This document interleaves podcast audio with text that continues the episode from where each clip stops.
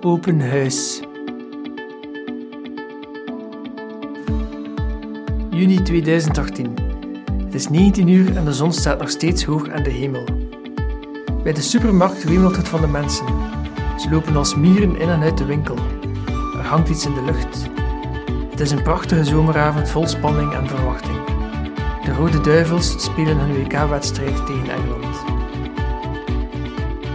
Ook voor mij is het een speciale avond. Ga de winkel binnen op zoek naar gepaste mondvoorraad en kom buiten met vier flesjes duvel en een grote zak pickles chips. Even later zit ik in een oude stoffen canapé met zachte zitkussens en houten armleuningen. De tafel met vier stoelen waar de prijzen nog aan kleven bevindt zich in de hoek van de kleine living. Tegenover de zetel staat een dressoir met daarop een splinternieuwe flatscreen inclusief beschermfolie. De kamer is gehuld in een mist van sigarettenrook. Rook die zachtjes uit Patrick's neus omhoog slingert. De scheidsrechter fluit de duivels op gang, duvels worden ingeschonken en pickles worden verdeeld. Dit is puur genieten. Genieten was het voorafgaande winter nogthans niet.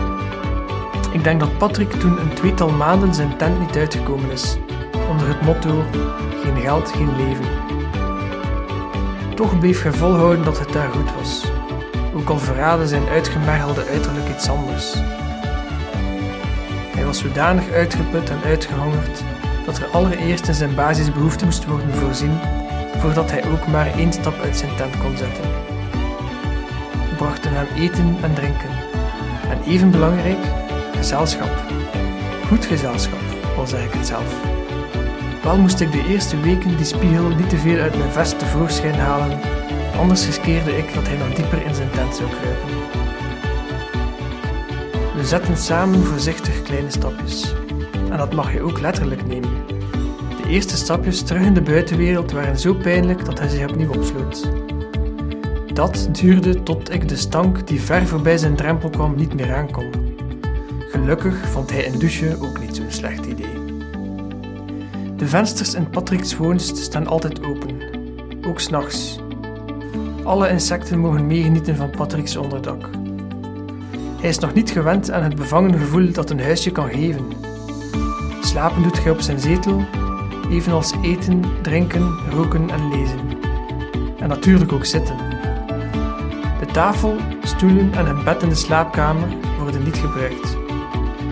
Als jouw hele huis zich voor een lange tijd in een tent van 2 op 3 meter bevond, heb je daarna niet veel plaats meer nodig. Het zet me aan het denken over mijn eigen bescheiden woning. Misschien is die toch niet zo bescheiden en zou een caravan in feite wel volstaan. De laatste vogelgezangen klinken op de achtergrond door het venster. Een openstaand venster, ingebouwd in de muur van een appartement. Patrick's appartement. Toch scheelde het niet veel of hij woonde nog steeds in zijn tent. De dag dat hij bij de woningmaatschappij mocht tekenen, kwam hij niet opdagen. Hij had schrik, zo bleek. Een huis in een wijk waar hij niet thuis is. Een huis waar opnieuw post kan toekomen. Een huis waarin hij mag wonen. Zou hij dat wel kunnen? Zo alleen in een huis wonen? Veel vraagtekens voor hem. Te veel. Soms is het comfortabeler om je daar waar de twijfels zijn niet te begeven. Om te kiezen voor het onaangename bekende in plaats van het aangename onbekende. Om niet te moeten voelen wat niet leuk is om te